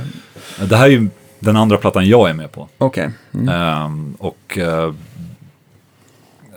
jag har ju ersatt eh, Anders, eh, Anders Bjöller som, är en, som egentligen skrev mycket av det som var, var tidigare Haunted. Så att det är ju väldigt stor skillnad, helt klart. Det är, ju- det är ju jag som skriver istället för honom. Ja. Vi skriver ju mycket tillsammans också, men jag har tagit mycket mer plats på den här skivan än eh, vad jag gjorde på den tidigare skivan. Ehm, men jag tycker fortfarande att det är väldigt The Haunted. Att det är mycket dynamik, det finns melodier, det finns de här flashiga låtarna finns kvar. Och, ehm, jag tror och hoppas att fansen tycker att det är okej. Det är svårt att säga liksom. För, för att det låter ju, jag kan ju inte skriva som någon annan utan det blir ju som att det är ja, Nej. Men det är ju svårt också, även om man liksom har gjort ett x antal skivor så vill man ju inte att de ska låta precis som varandra. Nej. Att det är bara liksom Nej, samma precis. låtar med olika text. Nej. Utan att det, att det verkligen att det händer någonting. Och ja, Ja, märker visst. själv sådär att många, många, när man är ute och spelar, att de gärna bara vill höra de gamla låtarna. Mm. Och, eller, och sen så vissa gillar bara de nya låtarna. Ja. Så att det är svårt att göra alla nöjda. Beroende på när de har upptäckt. Ja, precis. Jag, tror att jag har ju dragit många eh, lite mer moderna eller yngre Ja. eh, lyssnare till Haunted. Kanske i med min YouTube-kanal. Eh, eftersom jag joinade Haunted efter jag hade min YouTube-kanal. Alltså att jag startade och blev stor på YouTube. Det var ju så eh, Jensen hittade mig. Han hade sett en video och ringde och frågade om jag ville spela. Så att eh, jag har ju tagit med in ny publik. Även fast det är de, de här gamla är kvar. Så det är, det är lite balansgång, helt klart. Men samtidigt, jag, jag kör ju bara mitt race liksom. Skriver det jag tror är bra och så ja, får hoppas på det bästa. Liksom. Så att, eh, ja, vi får se. Jag tror att, det, jag tror att den är bra. Ja, vi håller tummarna härifrån Ja. i alla fall. Skitkul. Har du några andra projekt sådär som du... Ja, jag har ju eh, mitt andra band som är egentligen mitt YouTube-band då, Feared. Ja, ja. Som har liksom växt lite med YouTube då. Och där släpper vi skiva i november. Så att, eh, men det är ett helt... Det är ett online-band skulle man kunna säga. Ja. Alltså att det, är ju inget turnerande band. Nej.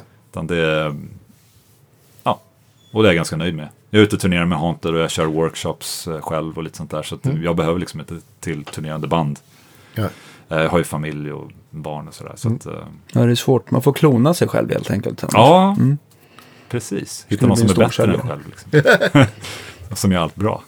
Nej, så det, och det. Men det stora nu, det är ju märk, gitarrmärket. helt Ja, enkelt. såklart. Som har svalt väldigt mycket av min tid. Ja, men det förstår jag.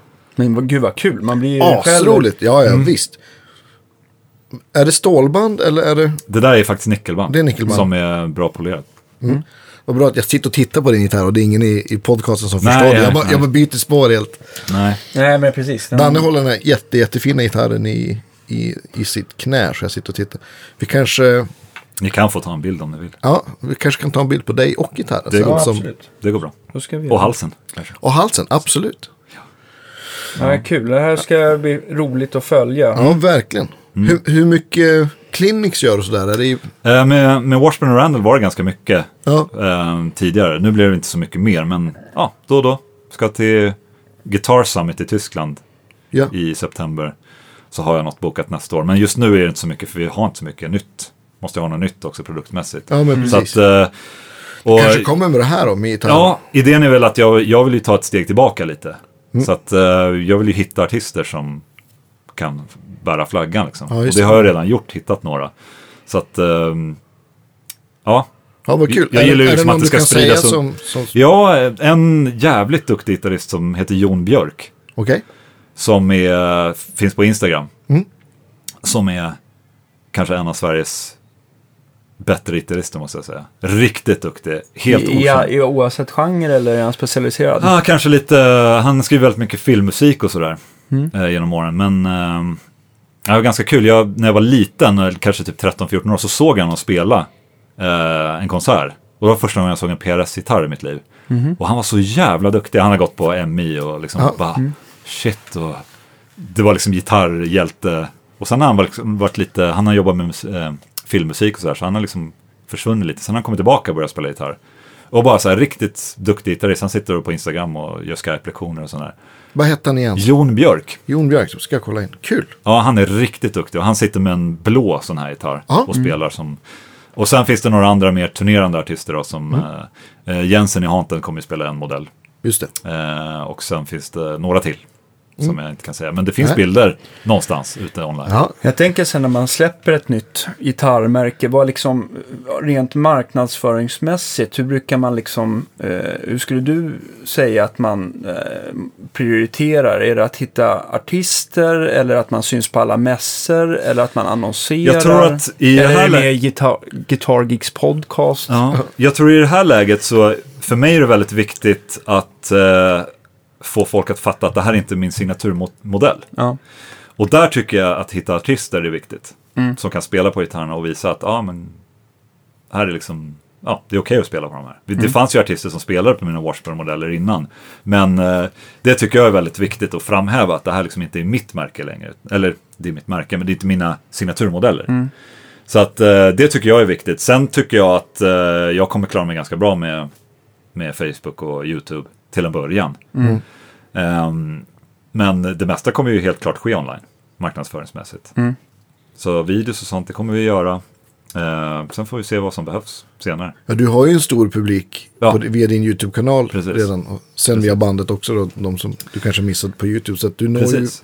kanske, eller du når ju rätt publik på en gång. Exakt, och det är ju det som vi gör nu, att vi går ju direkt till, eh, till köparen och säger hej, nu kan du köpa gitarren Mm. till en början här. Så att det inte är liksom det här eh, distribution och dealer-led till en början då, utan det, dit kommer vi sen. Men nu initiellt vill vi att liksom, okej, ja, är det någon i Sydafrika som vill köpa gitarren, då ska han fan kunna köpa gitarren utan att liksom eh, man måste hitta en distribution och hitta en, en som affär som vill ens köpa gitarren. Liksom. Alltså det är väldigt långt för att få in gitarrerna. Sen eventuellt såklart så kommer vi ju dela upp marknaden. Ja. Så att eh, vi börjar köra med distributörer och kanske superdealers. Liksom, att man, har, Mm. man riktar in sig på någon som verkligen får ta hand om det här märket. Liksom. och Ja, inte att man bara försöker, liksom Toman har ju redan varit på.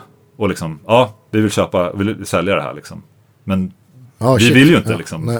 Det blir för lätt liksom. Mm. Det är lätt att sälja till Toman. Och då, då kan de lika gärna köpa via vår hemsida till att börja med. liksom. Ja, visst. Vi vill ju hellre att, okej, ja men då vill vi hellre ha den här i en bra affär någonstans. Där någon kan verkligen gå och prova liksom.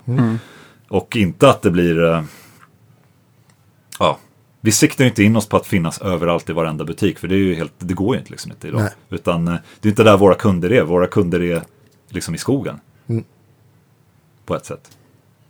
Jag kan också tänka mig att, att om man liksom börjar och, och jag kan tänka mig att Toman skulle sälja väldigt bra av de här. Det tror jag också. Eh, men det man kan göra, det man kan, även om det är kortsiktigt bra för märket så kan det ju kännas som att då kanske man inte är så himla lätt att få igång andra butiker att Nej. våga satsa på det. Då, Exakt. för att de liksom känner att Nej, men jag tror att eh, det vi, gör nu, det, vi, det vi gör nu är att vi startar eh, märket och eh, står på egna ben. Mm. Och sen såklart kommer vi öppna upp för liksom, ta in distribu distributörer och dealers. Mm. Så att eh, vi har ju en plan, Ja. helt klart. Så det är ju inte, det är inte bara taget från luften liksom alltihopa. Utan Nej. det här är ju, jag planerar ju allt liksom. Mm. Det ska inte, vi, vi ska ju märkas liksom. Vi ska inte bara vara ett litet märke som, Nej. det ska bli stort liksom. Ja. Eh, så- ja, det är en jättebra gitarr. Ja, verkligen. Det- Jag tänkte också säga en sak man undrar. Det är ju att, eh, att eh, de flesta namn har en anledning varför de, eh, ja, du valde det helt enkelt. Solar Guitars, är det någon speciell anledning? Eller? Nej, det, det har hängt med lite. Modellerna på Washburn hette ju Solar. Mhm. Till exempel. Och jag hade till och med ett, eh, ett spons innan det. där de modellerna hette Solar. Så Solar är ju något som har följt med. Och det är något som kännetecknar mig på ett sätt. Bra, det känns ju liksom lite inarbetat Ja, någonstans ja, det- det också. tror jag nog. Att Det dina fans liksom... Ja, ja det Kopplar tror jag. ganska Och snabbt. sen är det ganska ja, anonymt. Mm. Svenskt lagom. Det är liksom inte fucker guitars. Utan det är Satan gitarr. Satan Guitars hade kunnat funka, men då är det här med bibelbältet i USA. Liksom. Det är svårt. Nej, men eh, ja, Fick du, jag tänkte också på en annan sak. Jag har ju alltid tyckt att Sverige har varit ganska trögt när det gäller just signaturmodeller. Det är så här att folk inte gärna... Medan liksom, vad jag förstår det som på när man har pratat med, med, med gitarrmärken som har haft mycket gitarr, eh, signaturmodeller så tycker de att liksom så här, fasiken Skandinavien, varför köper inte ni mer? Det går ju så Ja. him- kolla här, det går ju jättebra i Sydeuropa eller Ja. Japan. Visst. Är det samma sak som du har upplevt när, med dina signaturmodeller? Att det, är liksom, att det är lite trögare här? Det, liksom? det var bra i början, liksom. Ja. men det är också det här, det är distributionsled, liksom, och det, de måste ju våga. Mm. Och måste våga köpa. Och eh, det fanns gitarrer i början, men nu på senaste ett, två åren, då är det, liksom, det är svårt. Här finns de inte Då är så... det så här, ja, men men vad fan ska jag köpa den då? Då får, går de till Gear for Music eller alltså hemsida. Ja, jag köper där då. Mm. Det är det folk gör. Folk köper från Toman.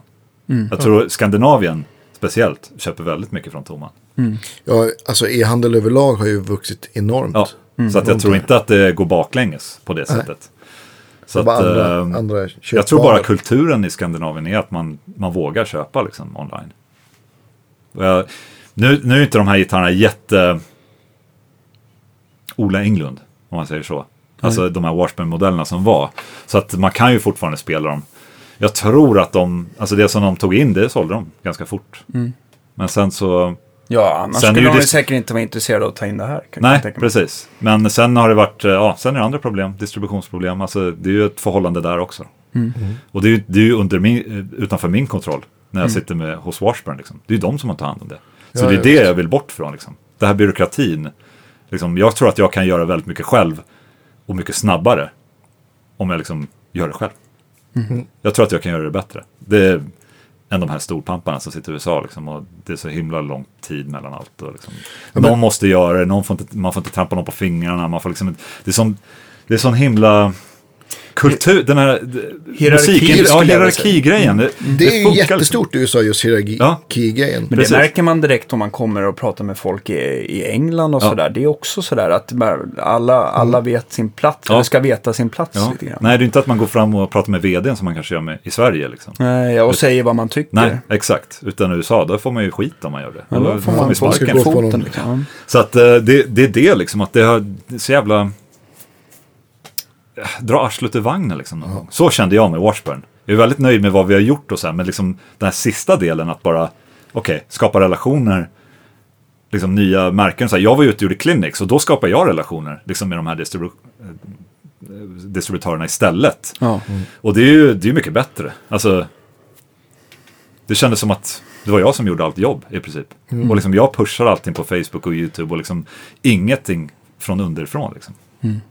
Så att... eh, Det är väl lite grann som att ligga på ett stort skivbolag fast Ja. ingen gör något. Det blir Ja. samma sak. Exakt. Eller så gör de gigantiskt mycket, eller har de möjlighet kanske. Ja. Ja, men att de väljer band liksom. Som, eh, och sen de som är lite mindre viktiga, de får inte lika mycket. Det bara är så. Så att, eh, Ja, men det är skitkul att du då, nu har du ju tagit med dig vad du, vad du, liksom, vad du vet. Eller du vet vad, som in, vad man inte ska göra och hur du vill, vet hur, hur du vill att det ska gå till. Precis. Nej, men jag ser ju liksom, det är ju, problemet är att folk har, har mejlat mig och frågat, ah, vad fan köper man gitarren någonstans? Ja. Och bara, jaha, ska jag sitta och googla liksom? Då har jag liksom suttit och googlat upp en sida, och här har du en länk, här kan Ja. köpa gitarren. För jag vill, ju att, jag vill ju att de som verkligen vill köpa gitarren ska kunna köpa den. Liksom. Jag vill Ja. liksom inte att de ska tycka, ja men den finns ingenstans. Ja. Men, eh, så att det är ju, ja, Jag tänker ju också så här för egen del. För jag känner så här att det finns ju många butiker som blir så himla nischade. Ja. Man vill ju ta in bra saker, tänker jag själv sådär och sälja. Och jag tycker det här skulle vara kul också givetvis. Vi Ja. får väl se vad vi, hittar på. Ja. Men, men just att man inte blir så här bara, ja, han har bara begagnat, han har bara Ja. vintage, han Ja. säljer bara det. Visst. Man vill inte hamna riktigt i den fällan. va? Nej. Men, eh, man, man, jag tror att jag också går igång väldigt mycket när det finns så här lite eldsjälar som ligger bakom Ja, men som verkligen vill någonting. Också. Och sen så känns det också som att det, att det är eh, många kedjor idag kanske nästan, de blir så här att de bara siktar in sig på A-brands för att Ja. de vågar inte något Nej. annat. Nej, Va? så Utan är det. det ska liksom vara det här som... Ja, men det är som eh, bread and butter liksom. De, ja, de ser som säljer. De vågar liksom inte ta steget kanske och satsa på någonting som är spännande eller något sånt där. Ja, att Det är säkert eh, smart i många fall också, men jag tycker att liksom, då försvinner lite det här hjärta och att det blir, Mm. alltså att det blir, Ja, det blir men visst. tråkigt någonstans. Va? Men det, ja, det, är, det är vad jag tycker, så att det behöver Ja, inte men det- alltid, alltid vara rätt. Har jag märkt. Ja, men det, om det är stora företag så går det ju, då liksom businessen är ju det som är absolut först. Och det är väl kanske för ett litet företag, ja, självklart är det viktigt med business, men, men eh, det kan väl lätt bli att ju större företag så kommer liksom, det är sjukt kul med gitarr, kommer ganska långt ner på skalan. Ja, jo, Mm. det är precis vad jag kände. Att liksom man, man la i så mycket liksom, Ja. hjärta i det, men det, liksom, det händer ingenting. Vad gör man då? Liksom? Då sitter man där och bara blir uppgiven. Så kände jag i alla fall. Och då tänkte jag, men fan nu, nu jävlar. Ja, Den klassiska, ska man få något gjort ska man göra det själv. Precis, och det är ju lite hela mitt mantra, Ja. kan man säga. Men du är ett bra exempel på, på jag menar så här, eh, en modern arbetande musiker Mm. som har liksom, du har en fot i YouTube, Mm. håller dema grejer, du spelar i band och Mm. det tycker jag är en kul, kul, du är en ganska bra, bra ett bra exempel på Mm. någon som verkligen har lyckats idag och hur, musik, hur det ser ut att jobba med liksom gitarr idag. Förut Mm. kanske det var att man, men man hade sin gitarr och så spelade man lite. Men i dagsläget får man kanske bredda lite och, Ja. Nej, det är ju, för, för att man funka måste ju, ekonomiskt. Mm. man måste ju alltså, göra allt för att kunna gå runt. Ja, för man kan ju inte bara gå ut och turnera, i alla fall inte på min nivå. Nej. Det, det räcker ingenstans. Nej. Liksom. Utan eh, allting hänger ihop, allt är ju, alltså gitarrerna, jag spelar på dem, alltså allt Mm. hänger ihop. Ja, det, ja, men precis. Och du har ju verkligen gjort det till en symbios också. Och nu ännu ett steg till med... med Ja, hur, precis. hur ser en vanlig dag ut? Eh, om jag är hemma och Ja. inte turnerar så går jag upp, lämnar barn på dagis. Det är det, det som är bra att jag kommer från, jag jobbade ju som ekonom innan, Ja. fram till 2012.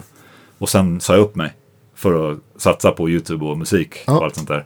Men eh, jag är ju ganska, min eh, arbetsmoral är ganska hög. Mm. Så att jag tar, har ju tagit med Ja, du kontorstiden. verkar ju väldigt driftig. Om man, Precis, och då, bara där har man ju en fördel, Mm. tycker jag.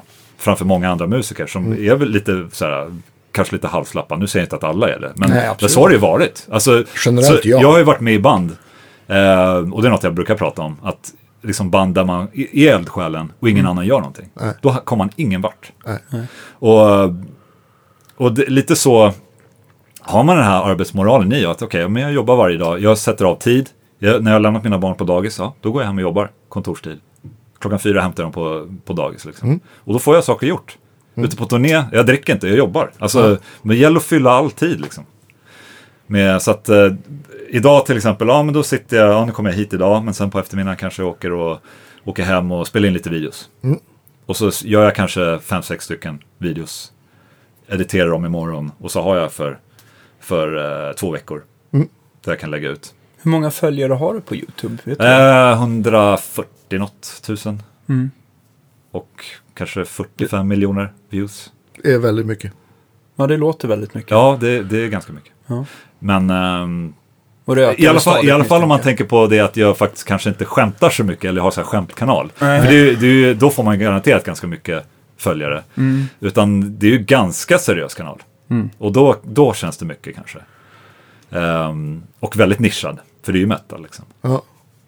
Det finns ju en annan Rob Chapman som är lite bredare liksom, och han har ju jättemycket följare. Och gör i princip samma sak. Mm. Ehm, men eh, ja, Facebook är ju ganska stort för mig också. Så där sitter jag ganska mycket. Väldigt mycket tycker jag är väldigt viktigt att svara på allas kommentarer och brev och sånt där. Eh, det, är, det är något jag investerar tid i också. För det tycker jag är väldigt viktigt. Det är så man får en, en Lojal. eh, lojal följare.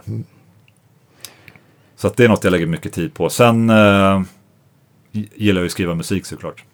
Så att jag har någonting och försöker lägga ut någon originalmusik varje gång jag gör en video.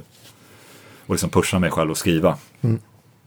Så att, eh, ja. Har du någon sån, om, säg att du ska, säg att jag skickar med dig en, en förstärkare nu som du ska göra en, en demo på. Har du, har du någon så, vad är ditt tillvägagångssätt för att, Jag brukar ställa upp förstärkaren, koppla in den i mitt, eh, min låda, Mm. tar min gitarr, börja spela och bara sitta och lira en timme. Mm. Skruva lite. Och så. Och sen, ja, spela in direkt. Och då... Ja, men oftast är det ju så att, att ljudet ger en någon typ av inspiration. Precis, och då vet vi om jag vill dema den eller inte. Också. Ja, det är det man känner att, eh, ja, okej, men då vet jag också vilken riktning på videon jag ska ha. Okej, det här var inte kanske extrem metal, Nej. utan det här kanske var lite rockare. Liksom. Ja, Då kör jag lite mer, kanske jag plockar fram telen liksom, eller Ja. något sånt där. Så att det är, jag brukar känna på vad det är för produkt Mm. och sen ja, ta ställning till vad för sorts demo det kan bli. Okej, är det här, kommer det här vara en br- bra video där jag spelar en låt först? Eller ska jag bara skippa allt och det är så mycket funktioner? Ska jag bara, för jag gillar att ha korta videos, jag gillar inte liksom halvtimmes videos utan jag gillar 15 minuter. Liksom. Så att man håller intresset uppe. Då kanske det är bättre, okej, men här är en headrush. Liksom. Ja, men då går jag igenom liksom, alla funktioner lite snabbt och kör lite ljud. Kanske skiter i låten. Liksom. Ja. Och kanske skippar det tråkigaste. Liksom. Så att eh, man får anpassa sig efter vad det är för typ av produkt. Sen finns det ju de här eh, ja, starkare med en ratt på. Ja, men då, då blir det en två minuters video. Liksom. Ja.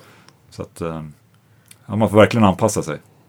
Ja, vet du, jag tänkte också så här, vi har ju alltid en så här sista fråga att Ja. eh, eh, hemmet brinner och man måste ta en sak innan man springer ut. Vad, vad blir det? Jag tar min fru och mina barn.